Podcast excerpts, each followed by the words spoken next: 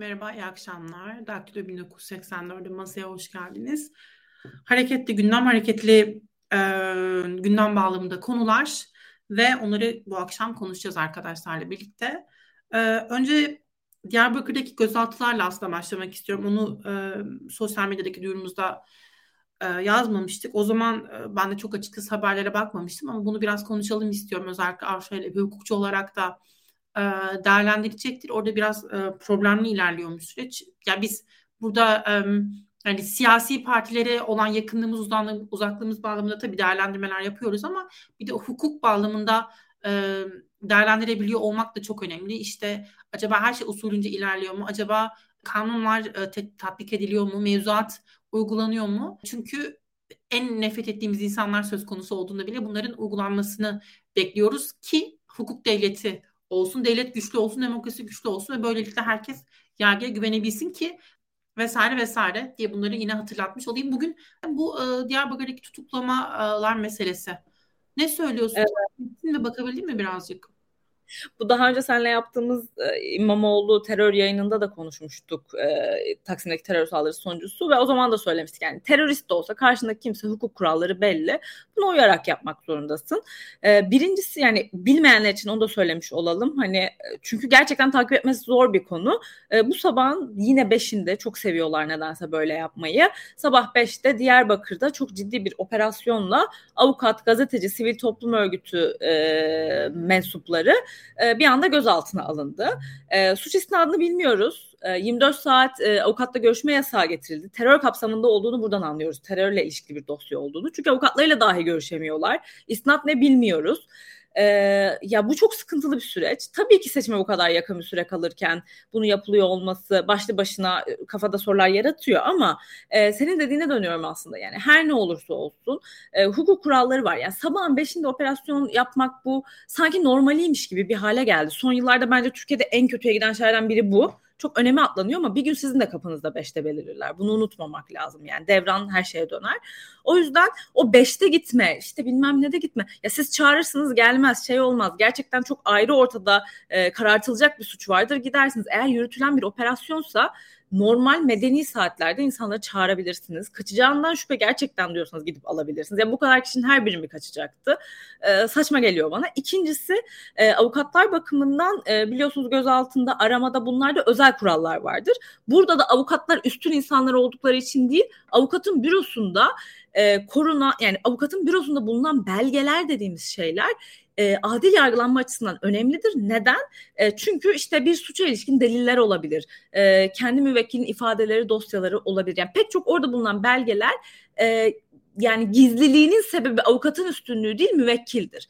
Avukat büroları o yüzden aranacaksa, avukatın bürosu evi bunlarda arama yapılacaksa özel eşyası üzerinde e, baroya haber verilir baro başkanı ya da kendisi ya da temsilcisiyle beraber polis giderek arama yapıyor. Bunların hiçbirine riayet edilmemiş diye anlıyoruz. Suçlamalar ne bilmiyoruz. 24 saat içerisinde buna yani 24 saatlik bir avukat yasağı getirerek e, olay yani nasıl diyeyim süreç gizlenmeye çalışıyor. Bu da uygun değil. Adil yargılanmaya aykırı bu insanların avukat erişimine avukata erişemiyor olmaları. Çünkü içeridekiler sadece avukat değil, e, onun dışında işte STK'cılar da var, e, gazeteciler de var. Ya bu siyasi şeylerden ayrı olarak usulüne aykırı yapılmış bir işlem gibi duruyor. E, toplumda da böyle bir e, şey getirmeye gerek yok. Ya umarım en kısa zamanda en adil şekilde yargılamaları devam eder. İçlerinde suçu da olabilir. Tanımadığım, dosyasını bilmediğim kimseye aklayacak değilim. Usulüne göre yapılıp masumiyet karinesi korunmalı. Umarım kısa zamanda e, her şey yoluna girer diyebiliyorum bu konuda sadece. Yani e, işte bu sabah 5 meselesi ona çok e, o çok önemli gerçekten hiç kabul edilebilir değil bir hukuk devletinde. Yani burada aklıma şey örneği geliyor. Birkaç ay oldu daha yani yakın sayılır. Ee, Almanya'da tartıştık. Darbe girişiminde bulunacağı iddia edilen bir örgütten bahsettik. Ee, imparatorluk bilmem nesi falan diye. İşte onların belli böyle işte silah e, depoları oluşturduğu vesaire istihbaratın bunu takip ettiği ve nihayetinde de e, bir operasyonla aslında bu örgütün e, çökertilmeye kalkıldı. Orada şu çok önemliydi aslında yani bu örgütün destekçisi olan bir sürü insan var. Bu örgüte sempati duyan bir sürü insan var. Uzun zamandır istihbarat takip ediyormuş ve bu silahların deliliyle nereden alındığı, işte nerede depolandığı vesaire tespit edilene kadar bu operasyonun yapılmasından kaçınılmış. Bu çok önemli. İşte hukuk devleti olmak böyle bir şey. Yani silahı var, e, terör örgütü olarak yargılayabileceğiniz doneleri hazırlamışsınız, delilleri oluşturmuşsunuz ama bu sürede kamu güvenliğini sağlamak adına bu takibi gerçekleştirmişsiniz. E, istihbarat, işte yargı el ele verip ve nihayetinde bu insanların yargılanabilmeleri adına deliyle, şeyiyle, bilmem nesiyle hazırlayıp e, savcılıkla e, o işbirliğini yürütüp sonrasında hakimin önüne çıkarma gibi bir e, mekanizmayı oluşturabiliyorsunuz. Bu inanılmaz önemli bir şey. E, ve şu da çok önemli yine. Dediğimiz gibi yani bu örgütün e, sempatizanı olan bir sürü insanın varlığının e, farkındayız istihbarat ve buna göre bunları hala takip altında e, tutmaya devam ediyor bir yanıyla fakat tutuklamıyor. Çünkü sempatizanı olmanın suç olmadığının farkındalar. Yani e, sadece bir şeye sempati duymak ya da bir şey düşünüyor olmanın kendi başına suç teşkil etmediğini farkındalar ama kamuya tehlike oluşturmaması adına da takibini gerçekleştiriyorlar. Hukuk devleti de böyle olunuyor diye başlamış olalım. Şunu sorayım yani bu hani beklenilen bu hani HDP'nin kapanma ve YSP'ye geçişin hani herhalde bir adımı olarak değerlendiriliyor. Ona giden bir adım olduğunu düşünüyorum. Ya evet bu, bu da olabilir. Bence ben şey de düşünüyorum. Yani bu, sonuçta gazet basın, gazeteciler, avukatlar bölgede seçim güvenliğini sağlayacak kişiler aslında. Hani en temelde bak baktığımızda seçim güvenliğine yönelik de bir sus payı, korkutma ne diyeceksek bence o anlamada gelebilir. Bir de e, Maya'nın söylediği şey de önemli bence. İşte bir şeye sadece sempati duyuyor olmak suç değildir. Şunu ekleyeyim bunu gerçekten nereye denk gelsem artık söylüyorum. İltisaklı olmak diye bir şey yok. Böyle bir tanım yok e, ceza kanununda böyle bir şey. Ya hiç böyle bir şey yok. Böyle şey uydurmayın. İnsanları sen bilmem neyle Ya bir örgüte ya üyesinizdir ya da üye olmamakla birlikte suç işleme yoluna girmişsiniz o, o örgütte. Yani ben PKK'ya üye değilimdir. Yani terör örgütü olduğunda net olduğumuz bir örgüt üzerinden de vereyim hatta. PKK'ya üye değilimdir. E, hiçbir şeyim de yoktur ama işte PKK'ya silah, silah yollamışımdır. Ya da onlar için gidip bir yerde bir işte bomba patlatmanın sürecini ya bu olabilir. Yani ben uzaktan bir örgüte sempati duydum. Evet. Böyle bir şey yok yani.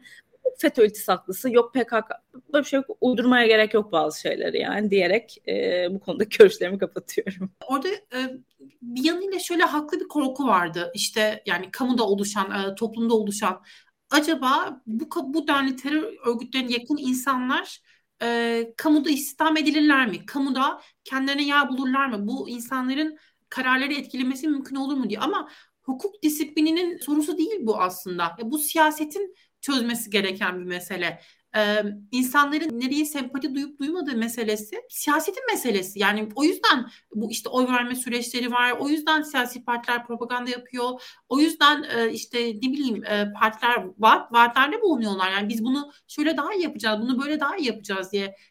Bir ülkede milyonlarca insanın e, bir şekilde terörle bağlantılı olarak nitelendirilmesi çok korkunç bir şey. Elbette e, işte güvenlik meselelerinde e, kimi korkular meşru ama bununla mücadelenin yolu insanları fişlemek değil ve suçun bireysel olduğu gerçeğini e, ortadan kaldırmaya çalışmak değil. Bu doğru değil gerçekten ve şimdi mesela yani böyle bir e, operasyon düzenleniyor.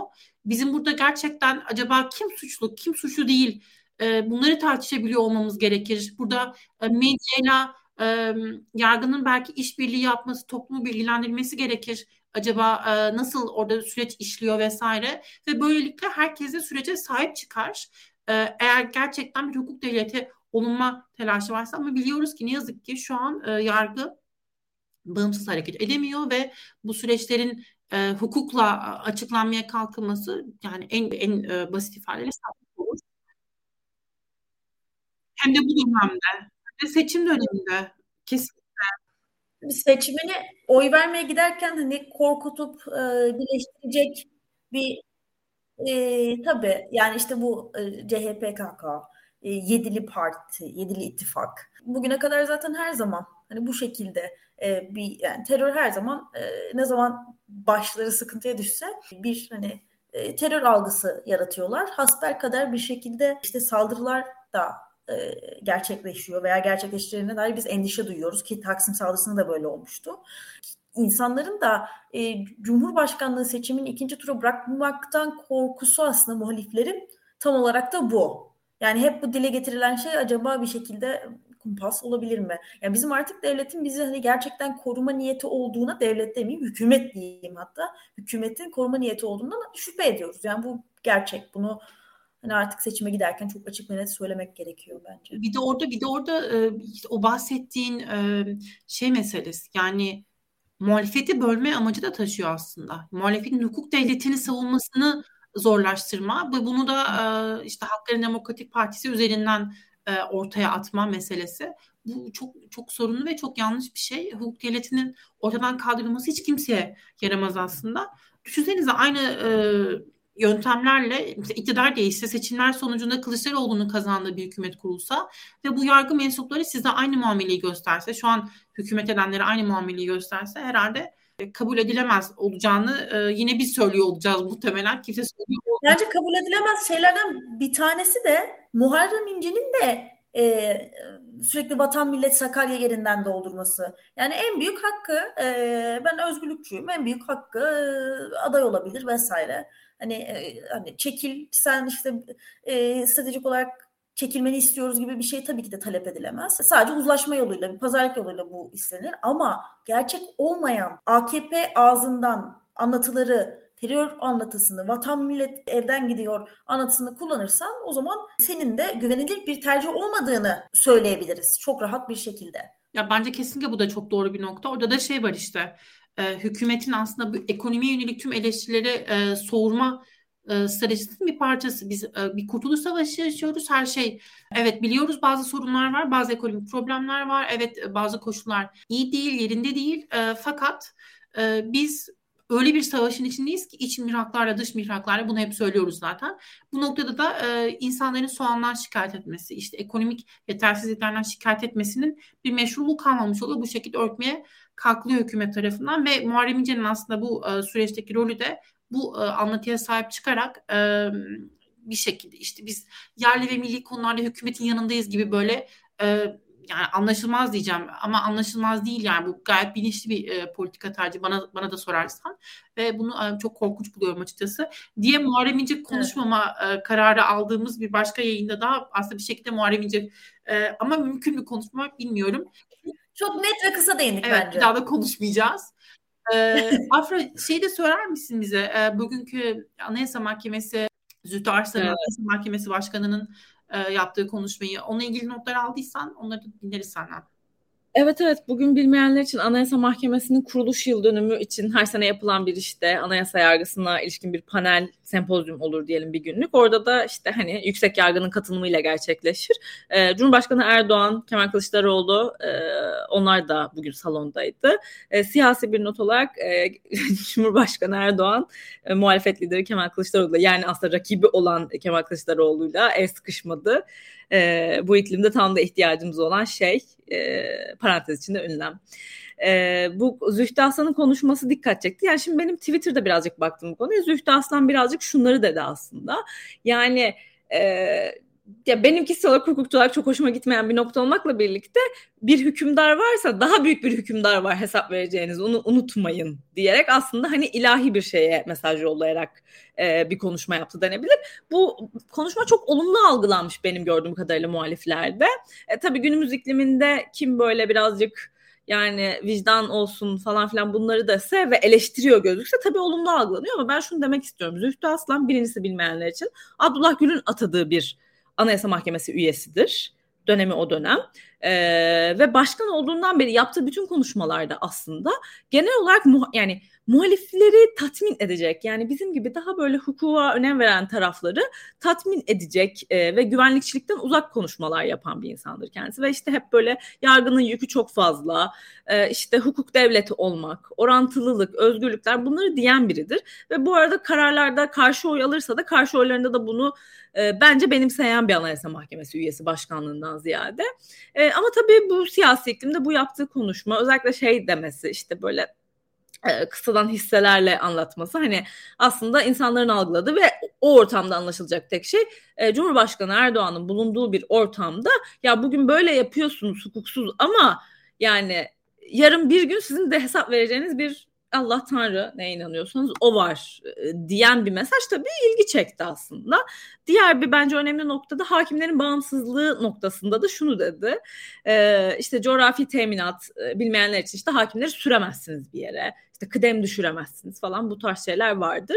E, bizde coğrafi teminat tam yok bu arada pek çok ülkeden farklı olarak ama e, coğrafi teminat gibi hukuki zeminlere ek olarak bizim ihtiyacımız olan da hakimlerin vicdanıdır. Hani vicdanlı hakimlere de ihtiyacımız var gibi diyerek hani orada birazcık topu da yargı mensuplarına attı. Hani bugünlerin yarınları da var mesajı olarak algılanabilir. Ya ben kişisel olarak e, Zühtü Aslan zaten genel olarak muhaliflerin tırnak içinde kullanıyorum gazını almak için bu tarz konuşmaları yapan biri olarak görülür.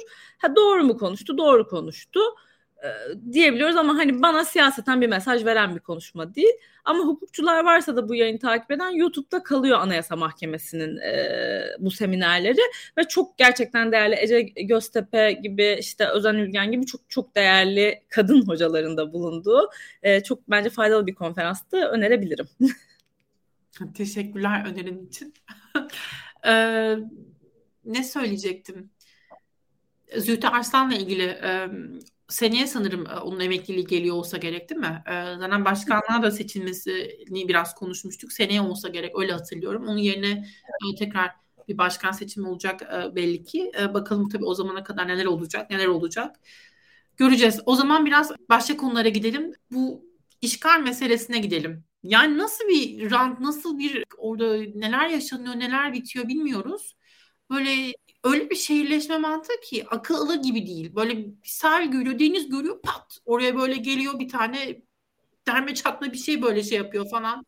Çay evet. koyuyor oraya. Çok çirkin. Tabii tabii inanılmaz inanılmaz. Yani böyle bir yağma artık. Bambaşka bir şey yani. Evet. Benim şaşırdığım nokta insanların e, bu durumu kanıksamış olması. Ve birazcık hani bunu bir sorumluluk olarak da ben e, eğer bir kamu görevlisi olsaydım veya bir e, şu an aktif siyaset yapan bir siyasetçi olsaydım ben kendi üzerimde sorumluluk hissederdim. Şu birazcık bu e, neden daha iyisine sahip değiliz? Yanlış olan ne var? Birazcık bunu sorgulatmak isterdim. Niye kanıksayasın ki bunu? Bunun yani e, sürekli işte o kaderci yaklaşım belki o e, Zühtü Arslan gibi yani hep böyle ilahiyata verme gibi bir yaklaşım var ama böyle şeylere gerek yok. Biz parayla alışveriş yapıyoruz. Yani şey değil yani takas döneminde değiliz. Her şeyin bir parasal bir karşılığı var, bir bedeli var, hak var, hukuk var e, ve bu e, Üsküdar sahilindeki o kaçak yapaların olduğu yani sadece Üsküdar'a Üsküdar'a şey değil mahsus bir durum değil İstanbul'un e, bütün sahillerinde hani bunu Türkiye kadar da genişletebiliriz. Sahil alanları dışına da çıkabiliriz. Birazdan unutmamak için söylüyorum. Gezi Parkı'ndan da değinelim lütfen. Çünkü 365. günü oluyor. Yani birinci yılı oluyor tutuklanmalarının mücella yapıcı ve diğer e, işte Tayfun Kahraman gibi gezi tutuklu, tutuklularını. kamusal alan alandaki kent hakkımızı bilmek bunun farkında olmak, gündelik hayatımıza o kamusal alandan hani feda etmemizin ne kadar e, negatif etki o etkisi olduğunu anlamak lazım. Yani sen o İstanbul'un en güzel yerlerinden bir tanesinde e, inanılmaz bir manzara var. Fakat dediğin gibi derme, çatma, yapılar, sürekli bir araç trafiği, sürekli bir valeli, otopark ki orada İspark da var. Bence İspark'ın da olmaması gerekir. Yani o da İBB'nin e, otoparkı. E, işte orada şey de normal değil. Sahilden işte e, çift şeritli işte iki yönden araç geçmesi falan bunlar da normal şeyler değil. Yani sen orada ya, kamusallı diye bir şey var. E, yani kamusal alan diye bir şey var. Oranın yaşadığın ülkenin bütün şeylerinden, kaynaklarından senin yararlanman lazım. Tertemiz o boğaz kokusunu burnuna çekmen lazım. Sana devletin bunu sağlayabilmesi lazım. Halbuki inanılmaz bir karmaşa, araç karmaşası, otoparklar, bilmem ne herkes üstüne gel, her şey birbirinin üstüne gelmiş. Acayip çirkin kafeler. Zaten ekonomi çok e, yani e, şey yapmış, taban yapmış, enflasyon tavan yapmış. E, içerisine girip parasını ödeyemeyeceğin yerler. O Askadar Kafe, İstanbul Kafe, Paçi Lounge vesaire. Buralar bizim vatandaşımızın, Üsküdar'ın yerlisinin e, ödeyebileceği şeyler değil. Yani buraya e, işte e, siyasi partilerden buluşmalarını işte e, işte nargile içerken nargile 500 TL ödeyebilenler gelsin buraya. Yani e, ki zaten çirkin yani ödeyip ödeme meselesi değil de zaten olmaması gerekiyor. Buralar şimdi e, konuya daha net teknik gireyim. Şimdi buralarda kaçak yapılar var. E, şimdi ben de bir TikTok çekmiştim.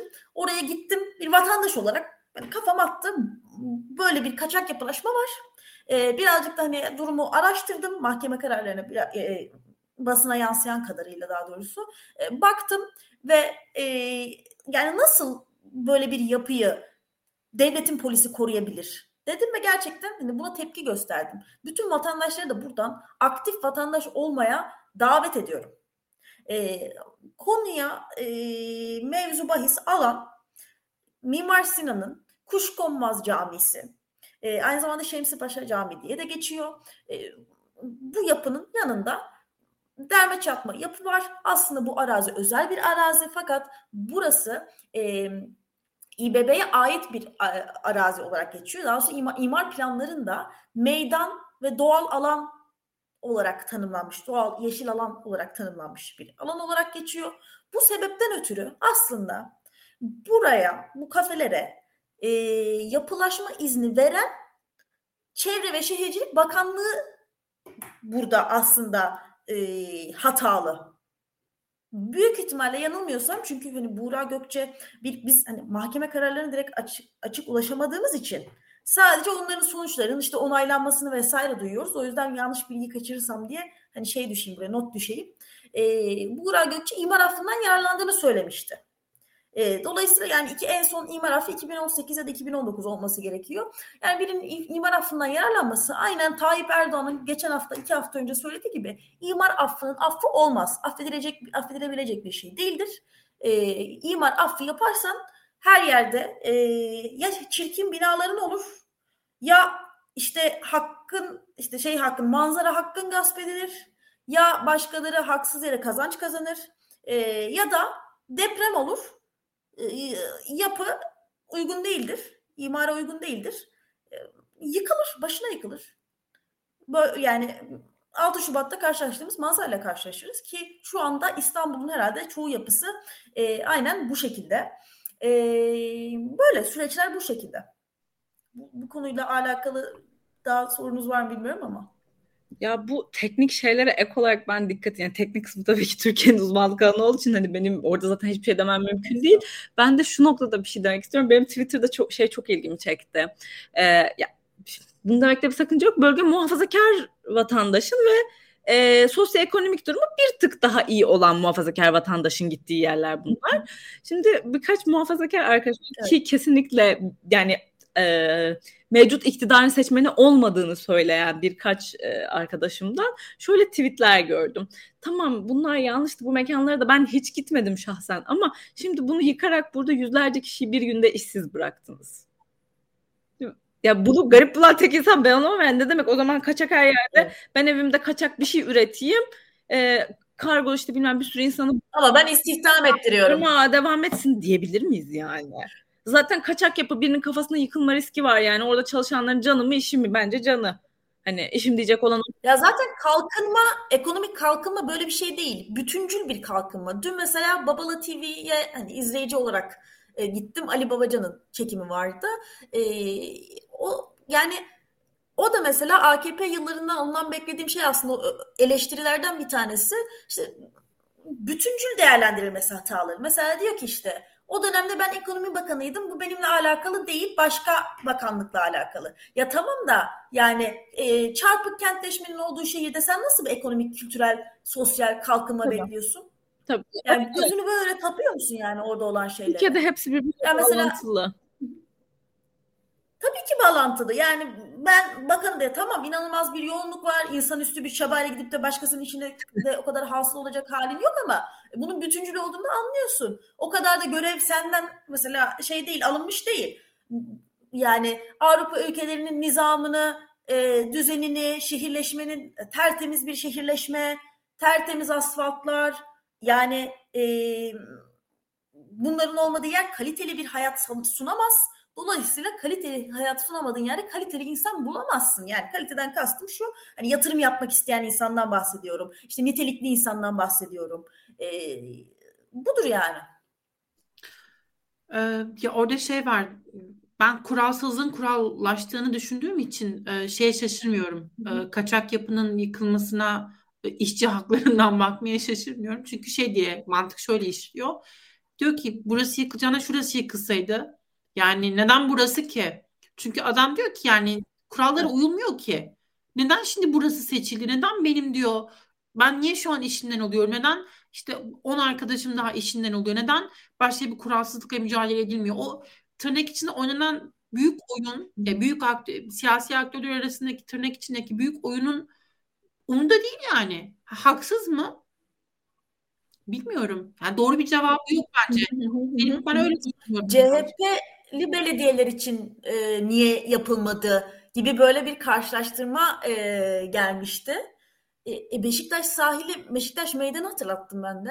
Yani Beşiktaş Meydanı, Beşiktaş ha, ben şunu demiyorum bu arada. Şey de var, onu yine Beşiktaş Hı. ilçesinde o Bebek sahilindeki sahile bilmem ne masa atanlar onların da hepsini kaldırttılar ve hani kaldırdı mı? Evet yani orası da şey değil ki bayağı muhalif bir kesim yani yüzde doksan CHP falan Hı. çıkmıştır oradan.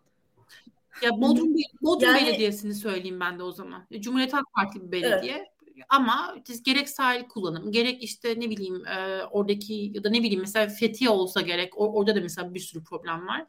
Yani e, tabii zihniyetin değişmesi şart e, şüphesiz e, yerel yönetimlerde o belediye meclislerinin deki o seçim şeyini değiştirmek şart e, şüphesiz. Ne bileyim işte ben merkezdeyim, merkeze oy kullanabiliyor olayım, ilçedeyim, ilçeye oy kullanabiliyor olayım gibi hı hı. böyle formülasyonların olmasının şart olduğunu düşünüyorum. Bir de o e, Belediye meclisinde barajın e, olması da bence çok problem. Yüzde yirmi gibi bir baraj var sanırım orada. Değil mi? Hı-hı. Doğru hatırlıyorum. Evet, evet çok yok ben bilmiyorum. Çok yüksek orada baraj evet. Orada orada nasıl yani o belediye meclisinin hiçbir anlamı yok. Eğer işte tırnak işte muhalifse e, işte İmamoğlu'nun örneğinde olduğu gibi tamamen böyle garip bir şekilde çalışan bir şeyin falan aktarıldığı bir süreç falan da işlemiyor. Sana işte hani e, bazen insanlar kızıyorlar ya demokrasi işte tırnak içinde varken daha mı iyiydi? Demokrasi değil bizim e, kurtuluşumuz vesaire ama demokrasi bizim böyle alt alta koyduğumuz soyut e, ve havaya böyle attığımız ve çözümlerin hepsinin böyle birdenbire pat diye belirdiği bir sihirli anlayış değil Hı. aslında. Aksine demokrasinin temel argümanı insanların karar verme süreçlerine daha fazla katılabiliyor olması ve daha bunları eşit bir yerden yapabiliyor, gerçekleştirebiliyor olmaları. Aslında mesele çok açıdan bu. İnsanlar nasıl kendi hayatlarını etkileyen kararlara daha aktif katılırlar. Meselemiz bu bence. Bunun adı da demokrasi benim açımdan. Arkadaşlarım da bence öyle düşünüyor. Diye bu konuyu da böylelikle kapatalım. Ama lütfen. Şeye değinebilir miyim? Bu Gezi Parkı'na bir evet, kısaca lütfen. değinebilir miyim? E, Gezi Parkı normalde e, hep anti Erdoğanizmle e, eşleştirilmiş bir e, protesto. Aslında Gezi Parkı'nın e, mesleki, teknik, bilimsel bir yanı var. Oraya top çıkışlası yaptırmamanın. E, tepki orada hani Erdoğan karşıtı bir şekilde e, ve AKP'nin o baskıcı politikalarına karşı ve hukuksuzluklarına karşı bütün bir hal almış olabilir. Fakat Gezi aslında Gezi Parkı aynen bu kaçak kafelerin olduğu gibi. Orası da orada işte topçu kışlası yapılmasının e, yapılmaması için bilimsel teknik bazı açıkla, açıklamalar var. E, bir tanesi şu oranın tekrardan baştan yapılabilmesi için teknik yapının teknik belgelerinin yeterli olmaması yani sıfırdan yıkılmış bir yapının tekrardan sıfırdan yapılması için bazı referans belgelere ihtiyaç vardır. Mimarlar Odası yani şu an tutuklu olan Mücella Yapıcı'nın dahil olduğu oda, Şehir Plancıları Odası, Tayfun Kahraman'ın dahil olduğu oda. E, buraları, buralar diyor ki yani e, itiraz ediyor bu Topçuk Kışlası projesine.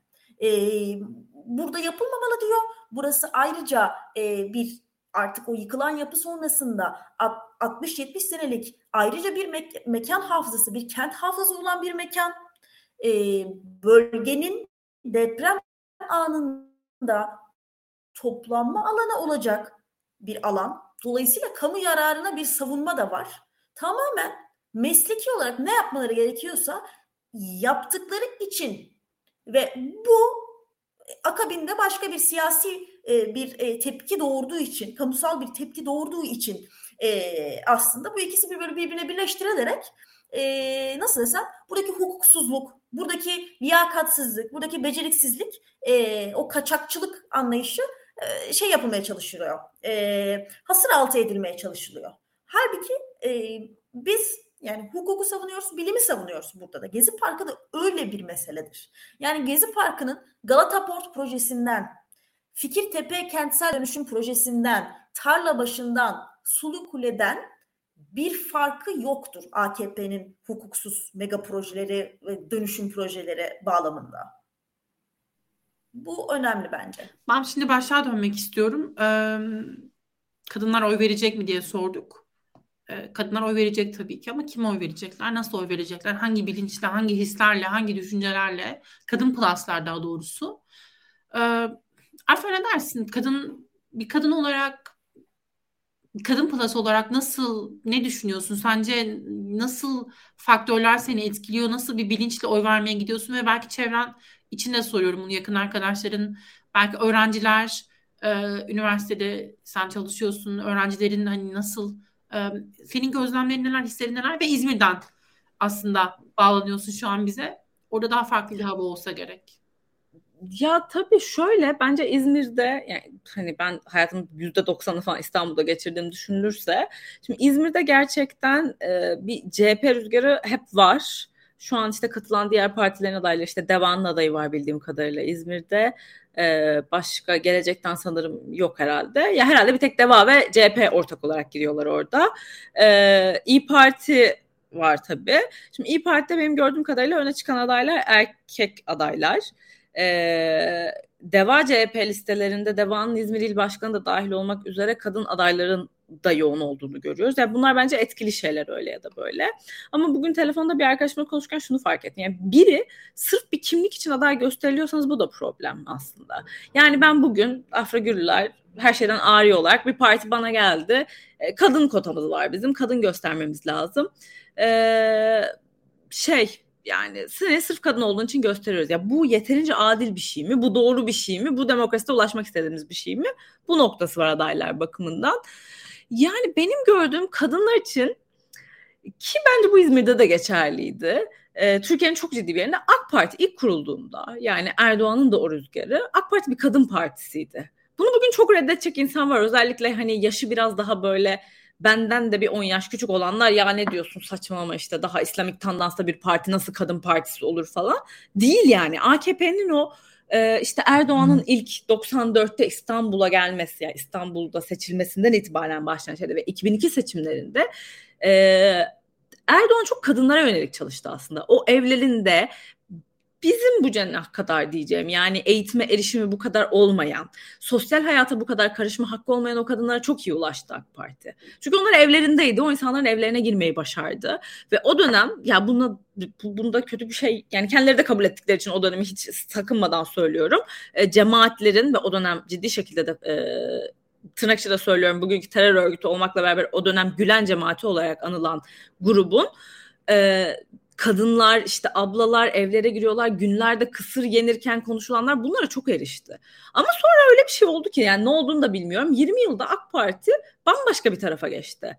Yani şu an muhafazakar kadının da yani o hani AK Parti bize başörtüsü özgürlüğünü getirdi diyen kadının da partisi değil orası.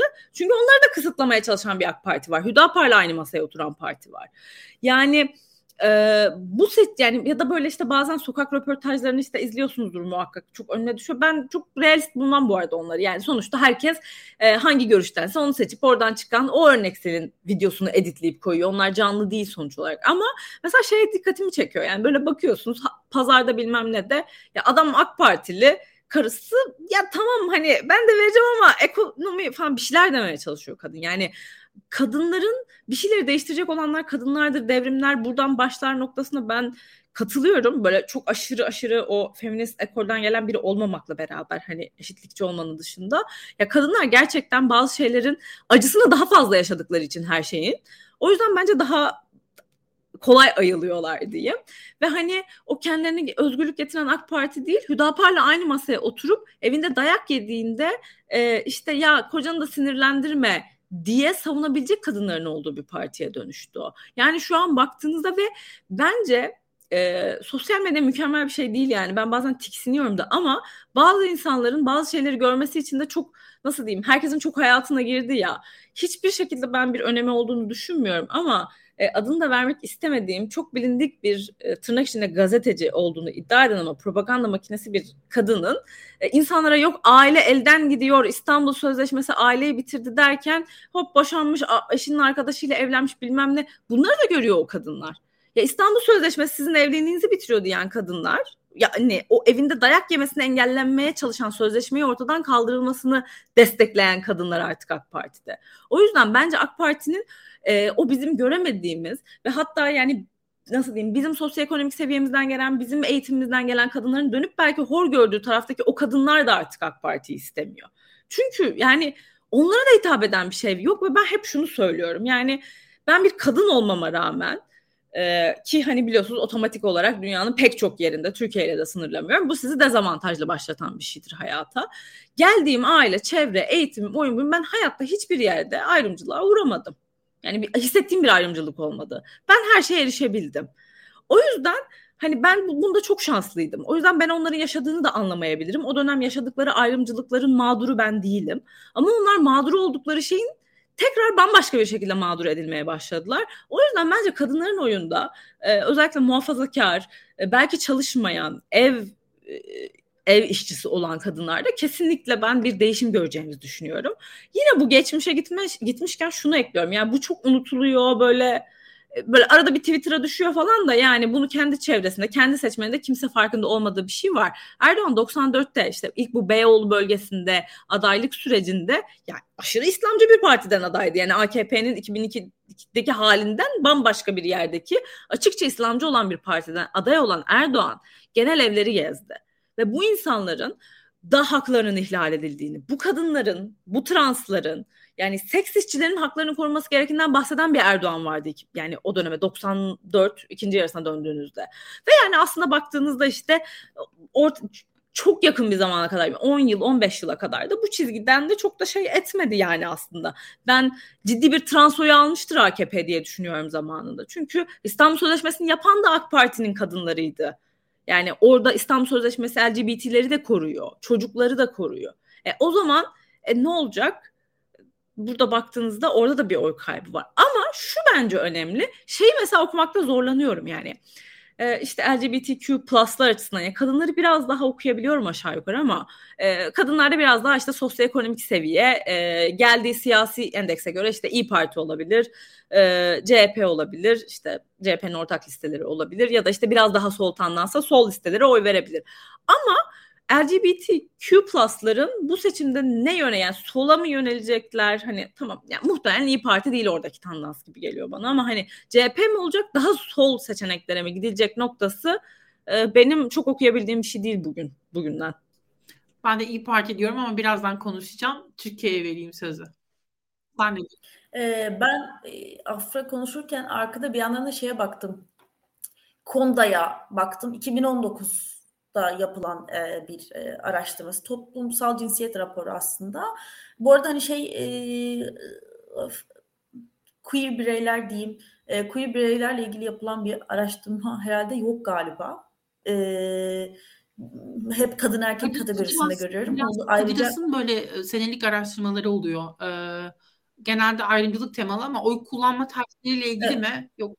Siyasi parti şeyle ilgili galiba yok. Çünkü şu an mesela benim baktığım Medeni durum ve eğitime göre siyasi tercihlerde hani kadın ve erkek var sadece. E, kadınlarda da e, şöyle e, yani lise 6, lise ve üniversite olarak e, ayırmış.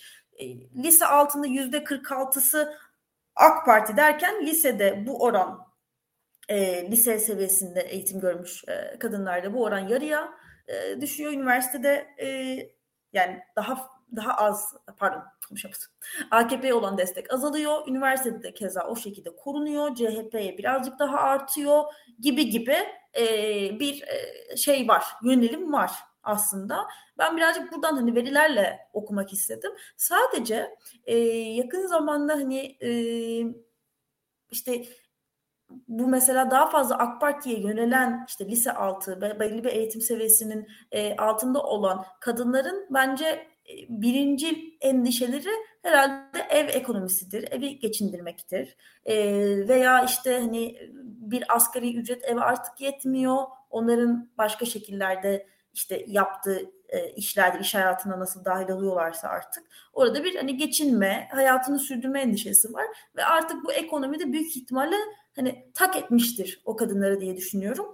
Bu olurken bir yandan durum buyken e, mesela İmamoğlu'nun İBB vasıtasıyla işte e, kadınlara işte çalışabilmeleri için işte çocuklarını o vakitte bırakabileceği hani kreş imkanı işte e, anne kart vesaire hani birazcık daha e, hani eleştirilen noktaları da olmuştu bunun ama e, onun dışında e, ev ekonomisi için Kılıçdaroğlu sanırım yanlış hatırlamıyorsam bir takım e, vurgularda bulunuyor kendilerine özel.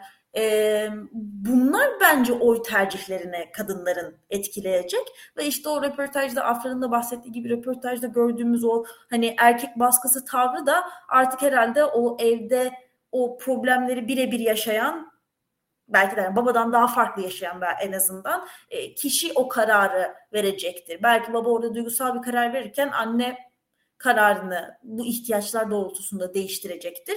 Ee, hani ne kadar bu, bu arada hani sadece işte kadınları anne diye e, adlandırmak vesaire hani benim e, alışık olduğum bir şey değil ama Türkiye hani e, şeyini sosyoekonomik e, sosyal e, şeyini göz önünde bulundurarak tablosunu göz önünde bulundurarak konuşuyorum. O detayı da altını çizeyim. Ben e, bir şey söyleyeceğim yani gerçekten kadın mücadelesi bambaşka bir noktaya doğru gidiyor. Kadın plus mücadelesi aslında e, önümüzdeki dönemde. Erdoğan kazansın ya da kazanmasın. E, neden böyle olduğunu düşünüyorum. Çünkü yeniden Refah ve Hüdapar gibi aslında siyasi partilerin e, Türkiye'de hiç arzu etmeyeceğimiz, görmeyi hiç e, istemeyeceğimiz, e, kesinlikle kendilerine meşru yet bulmasını e, arzu etmeyeceğimiz partiler artık e, siyasi hayatın bir parçası e, haline geliyorlar. Mecliste temsil edilirler mi? E, onu biliyoruz galiba. Hüdapar'dan biri galiba seçilebilir yerden e, konuldu. Tam hatırlamıyorum. E, yeniden refah vekil çıkarabilecek mi göreceğiz.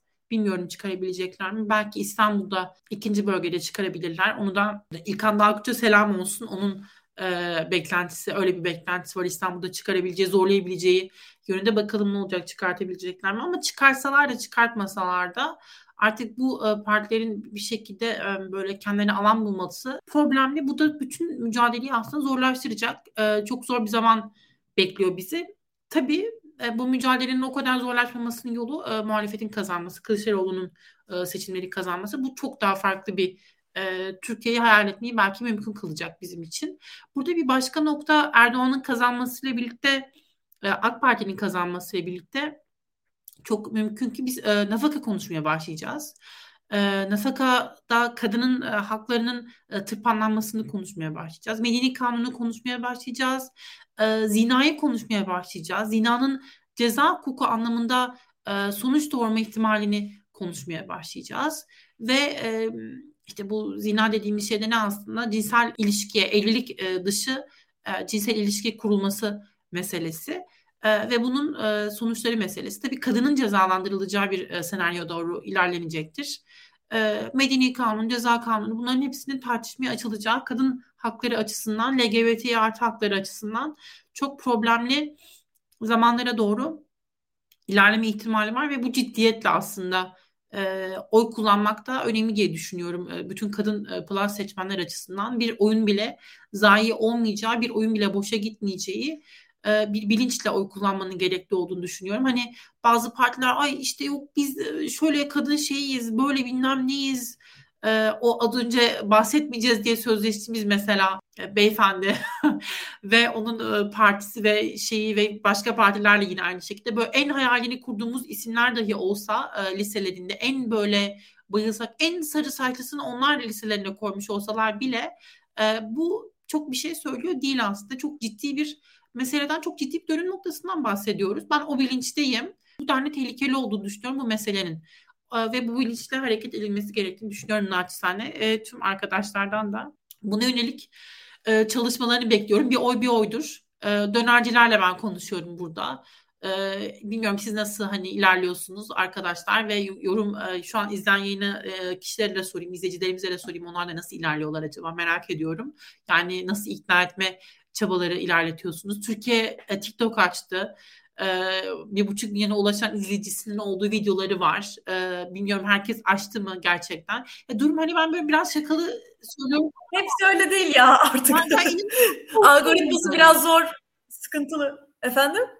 Ben inanılmaz korkuyorum diyorum. Ben inanılmaz korku yaşıyorum. Yani bu e, kadın hakları, LGBT artıları, LGBT artı hakları açısından çok çok korkunç bir senaryo bekliyorum ben. Ve onu yeterince konuşamadığımızı falan düşünüyorum. Yani e, bayağı kötü bir ihtimal, bayağı kötü. Yani bilmiyorum yine aynı şey. Bayağı kötü, bayağı kötü diyeceğim. Eğer Erdoğan seçimi alırsa. Kesinlikle evet, evet, evet, evet. Ya ve burada şöyle bir şey var. Son anketler e, ORC'nin en yakın tarihli anketini gördüm. Kemal Kılıçdaroğlu 49'larda tek başına ilk turda. E, şuna ORC 2018 anketini tutturmuş bir ankettir. E, bunu akılda tutmakta fayda var. Sinan Oğan yaklaşık %2 gördüm orada. Muharrem İnce'de 6 civarı bir oy gördüm. Kalıyor ve tek, gözüküyor ORC'de. 49'da ilk turda kalıyor. Yani ikinci tura kalıyor gibi gözüküyor. Şimdi burada şunu hatırlatmak istiyorum. Türkiye'nin o 14 günü gerçekten dehşet geçer. Yani bunu şey için söylemiyorum. Biz bunu yaşadık, gördük. Hükümet bir şey yapar anlamında da söylemiyorum. Yanlış anlaşılmasın. Ya insanlar doların uçmasından korkar, saldırır, altına saldırır, her şey uçacak. Yani Türkiye'de ciddi bir ekonomik sorun görürüz bir. Bu ikinci tura kaldığında çok başka şeylere gidebilecek bir nokta. O yüzden gerçekten yani insan herkesin demokratik hakkı, e, oy vermemek de bir demokratik hak normaldir şartlarda. Ama yani tek söyleyebileceğim şey şu ki ya keşke ideal dünya olsa ya buradaki herhangi bir aday parti hiçbirimizin zaten yüzde yüz görüşünü yansıtmayacak hiçbir zaman. Ee, yani bu, ama şöyle bir şey var. Bir tarafta cehennem varken diğer tarafta mücadele edebileceğiniz bir yer var yani ve siz sadece bir yerdeki bir şeyler hoşunuza gitmediği üçüncü, dördüncü seçeneğe oy verdiğinizde o yüzde bir, yüzde iki maalesef tek bir tarafa yarıyor. Yani dürüst olalım. Muharrem İnce'nin ikinci tura kalması ya da bu seçimi alması diye bir şey mümkün değil. Bütün e, muhalefetin ortaklaştığı, İzmir mitingde milyonların aktığı seçimde aldığı oy belli. Yani bunu lamıcı mı oyu buyu yok. Hani herkes bileştiğini aldı. Yani bunu istedim hemen şunu söylemek istiyorum. Ya bu bizim yayınlarımızı takip eden herkes biliyor aşağı yukarı. Benim e, siyasi olarak kendimi nerede konumlandırdığım, konumlandırdığım aşağı yukarı ve e, Kılıçdaroğlu'nun işte bu adaylık sürecini yani muhalefetin aday belirlenme sürecine ne kadar e, tavırlı olduğunu yani çünkü burada çok fazla problemle bulduğum şey vardı ve bunları hani yüksek e, sesle söyledim, eleştirdim. E, orada bir farklı bir şey yapmaya çalıştım kendi kendime ve ama bugün bu farklı e, ve şunu şunu hatırlatmak istiyorum. Kılıçdaroğlu'nu e, şahıs olarak aday görmekten vazgeçtim ben. Kılıçdaroğlu'nu görmüyorum ben aday. Kılıçdaroğlu değil, aday biziz artık. Başka başka bir yere geçtik biz. Kesinlikle. Kılıçdaroğlu değil aday. Yani Kılıç yani sen adaysın, Türkiye aday, kadınlar aday, e, LGBT artılar aday, işçiler aday, ekonomik olarak sıkıntı yaşayan insanlar aday. Yani bir de şunu söylemek istiyorum. Hani kimileri şunu şunu söyleyebilir. Kılıçdaroğlu baskı yaptı, Kemal Kılıçdaroğlu e, adaylarını zorladı işte ne bileyim İyi Parti haksızlık yaptı diyelim. Ne bileyim HDP ile ilgili yeterince yüksek sesle konuşmadı diyelim. Ne bileyim bir sürü eleştiri belki ne bileyim birçok açıdan problemli bulabilirsiniz. Hiç anlarım yani hepsine hepsine okeyim. Hiçbirine karşı çıkmıyorum ama artık biz hepimiz sen ben o öbürü siyasette görünür olacağız. Yani şu andan da söylüyorum bunu. Senin ekonomik sıkıntın görünür olacak artık. Senin e, yaşı, uğradığın haksızlıklar işe girerken, iş ararken görünür olacak artık. Bununla ilgili sorun üretmeye kalkan bir iktidar olacak ve bununla ilgili sorun üretemeyen iktidarı denetleyebilecek bir yargı olacak. Yani demokrasilerde hayal ettiğimiz sistem ve bunu eleştirecek bir muhalefet olacak. Yani fabrika ayarlarına, Cumhuriyet'in fabrika ayarlarına geri döneceğiz biz. Yoksa Kılıçdaroğlu duyduğumuz en büyük sevgi, en içten şeyle alakası yok bunun. Yani siyasetçi olarak beğenmemeye devam edebiliriz hala. Bu arada ben Kılıçdaroğlu'nun zaten yani daha bununla ilgili e, aksini söyleyen bir şey yok. Ne kadar dürüst bir insan olduğu ile ilgili herhalde yani Erdoğan'ın bile bunun üzerinden bir cümle kurmadığı insan böyle biri böyle bir iktidar e, altında bile bir tek yanlışının hukuki olarak bir tek ayıbının ortaya konulamadığı bir insan.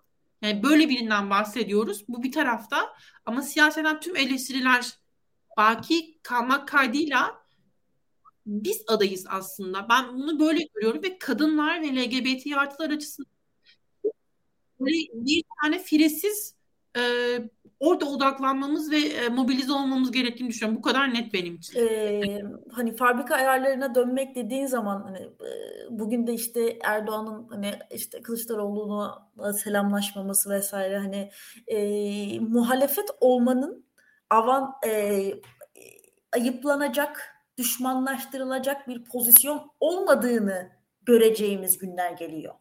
Ve iyi muhalefet yapının da iktidar olabilme şansının olduğu. Eğer ki biz bu seçimi kaybedersek e, bir diktatörü kendi ellerimizle yaratmış olacağız. Bunun farkına varmak gerekiyor aslında. Evet gerçekten çok kritik bir seçim var Türkiye'nin önünde. Ya biliyorum herkes bunu. Bir de en çok şu şeyi görüyorum ya biraz incecilerden. Ona da sinir oluyorum. Ee, yok bu aslında o kadar önemli bir seçim değil falan. Yok bu önemli bir seçim. Bu gerçekten kırılım bir seçim. Hiçbir zaman ya Hüdapar'la MHP'nin aynı masaya oturabildiği bir seçim kritik bir seçimdir. Bu ikisinin birbirine taban taban zıtlıklarını hani birinin e, İslamik Kürt milliyetçisi olması, birinin de artık faşizanlık boyutunda Türk milliyetçisi olması. Günümüzde geldikleri noktadan bahsediyorum bu arada. E, bunlar aynı masaya oturuyorsa burada büyük bir sorun var yani. Bu gerçekten artık her şeye saldırmış bir taraf karşınızda varken e, bu yok önemli değilmiş. Ya ve şunu da kabul etmek lazım yani mevcut seçenekle devam ettiğimizde olacakları zaten kestirebiliyoruz ama e, muhalefet geldiğinde bir günde hiçbir şeyin değişeceği yok yani. Bu ülkenin eğitim sistemi bitirildi. Bu ülkenin ekonomik sisteminde yani neyin nereye ne yapıldığının tespit edilmesi bence bir yıl sürer. Herhangi bir alternatif bir partinin geldiği sistemde, alternatif bir başkanın geldiği sistemde. E, ama o değişim havasına Türkiye'nin ihtiyacı var. Tıpkı 2002'de AKP'nin değişimine belki de ihtiyacı olduğu gibi. Ben hani hiçbir zaman bunu sakladım, hiçbir zaman seçmeni olmadım. E, öyle bir aileden gelmiyorum. Ama o dönem kendi içinde e, anlaşılabilecek söylemleri vardı. O değişime ihtiyacı var Türkiye'nin. Bugün de Türkiye'nin bu değişime ihtiyacı var. Yani AK Parti seçmeni özellikle madem kadınlar üzerinden açtık toplarken de şuradan gireyim e, zamanında AK Parti'ye gönül vermiş, oy vermiş bütün kadınlara bir şekilde ulaşırsa bu videonun herhangi bir kısmı onlara diyeceğim şey de şu ki AK Parti size yapabileceği hizmeti yaptı bugüne kadar. Eminim hayatlarınıza da bir şeyler katmıştır. Ben bunu da reddetmiyorum. Hani hiçbir zaman etmedim. Ee, ama bugün geldiğinizde emin olun bizler işte muhafazakar mütedeyyin kadınlar için de konuşuyorum. Daha öyle gözükmeyen bizler de sizin özgürlükleriniz bizim özgürlüğümüz. Çünkü bu bir kadın mücadelesi. İşte hep anlatılan üniversitelere gidemedik, çalışamadık. Bu kadın mücadelesi, bu başka bir şey değil. Bu bir erkeğin, bıyıklı erkekler 50 yaş üstü e, bir erkeğin eline bırakılabilecek bir şey değil.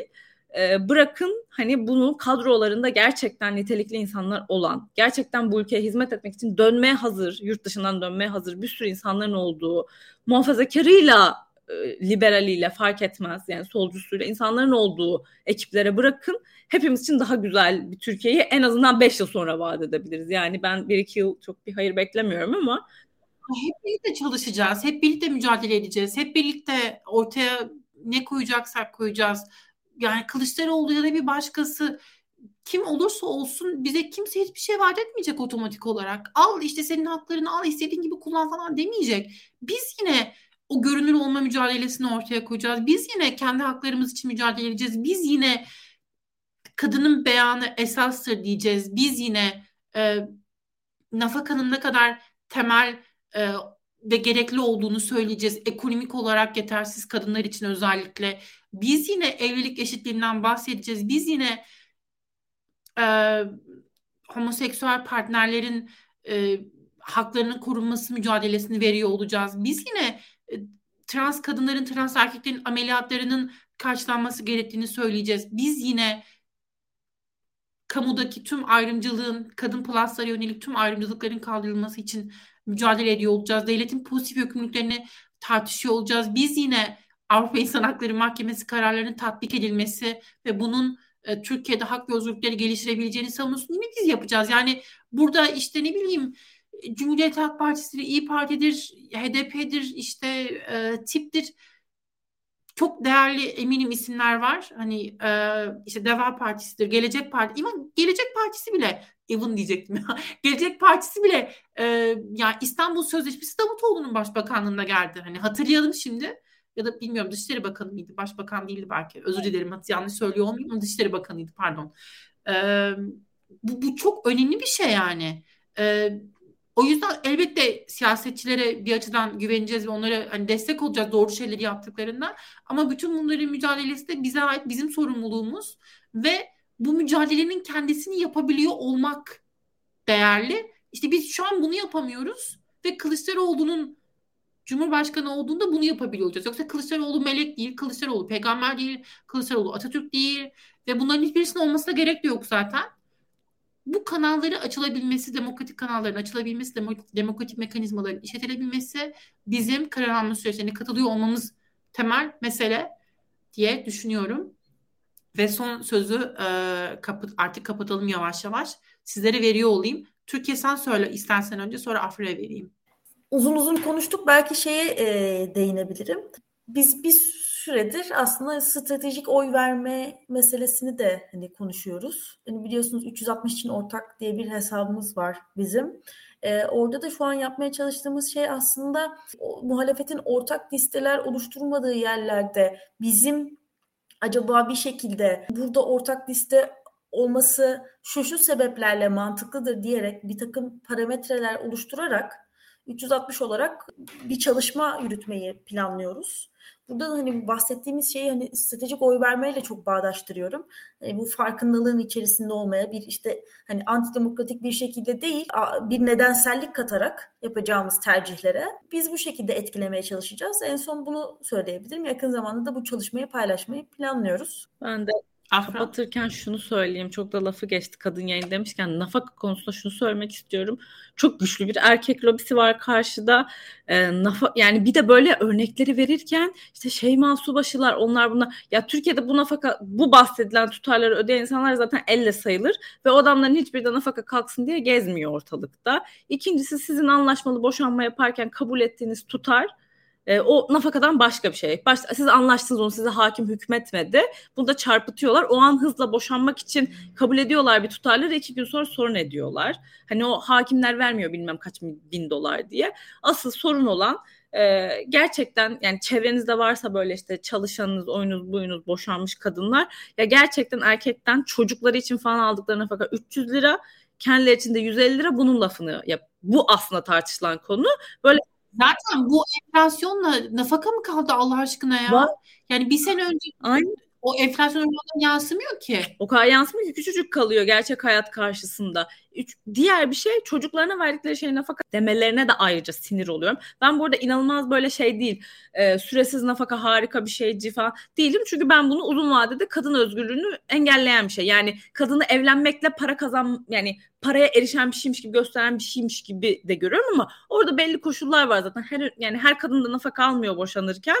E, bu gerçekten ailesini de bir şekilde evine dönemeyecek olan bir sürü kadın var bu ülkede yani. O zaman sosyolojik olarak bunu yaratmayın baştan. E, buna da gerek olmasın.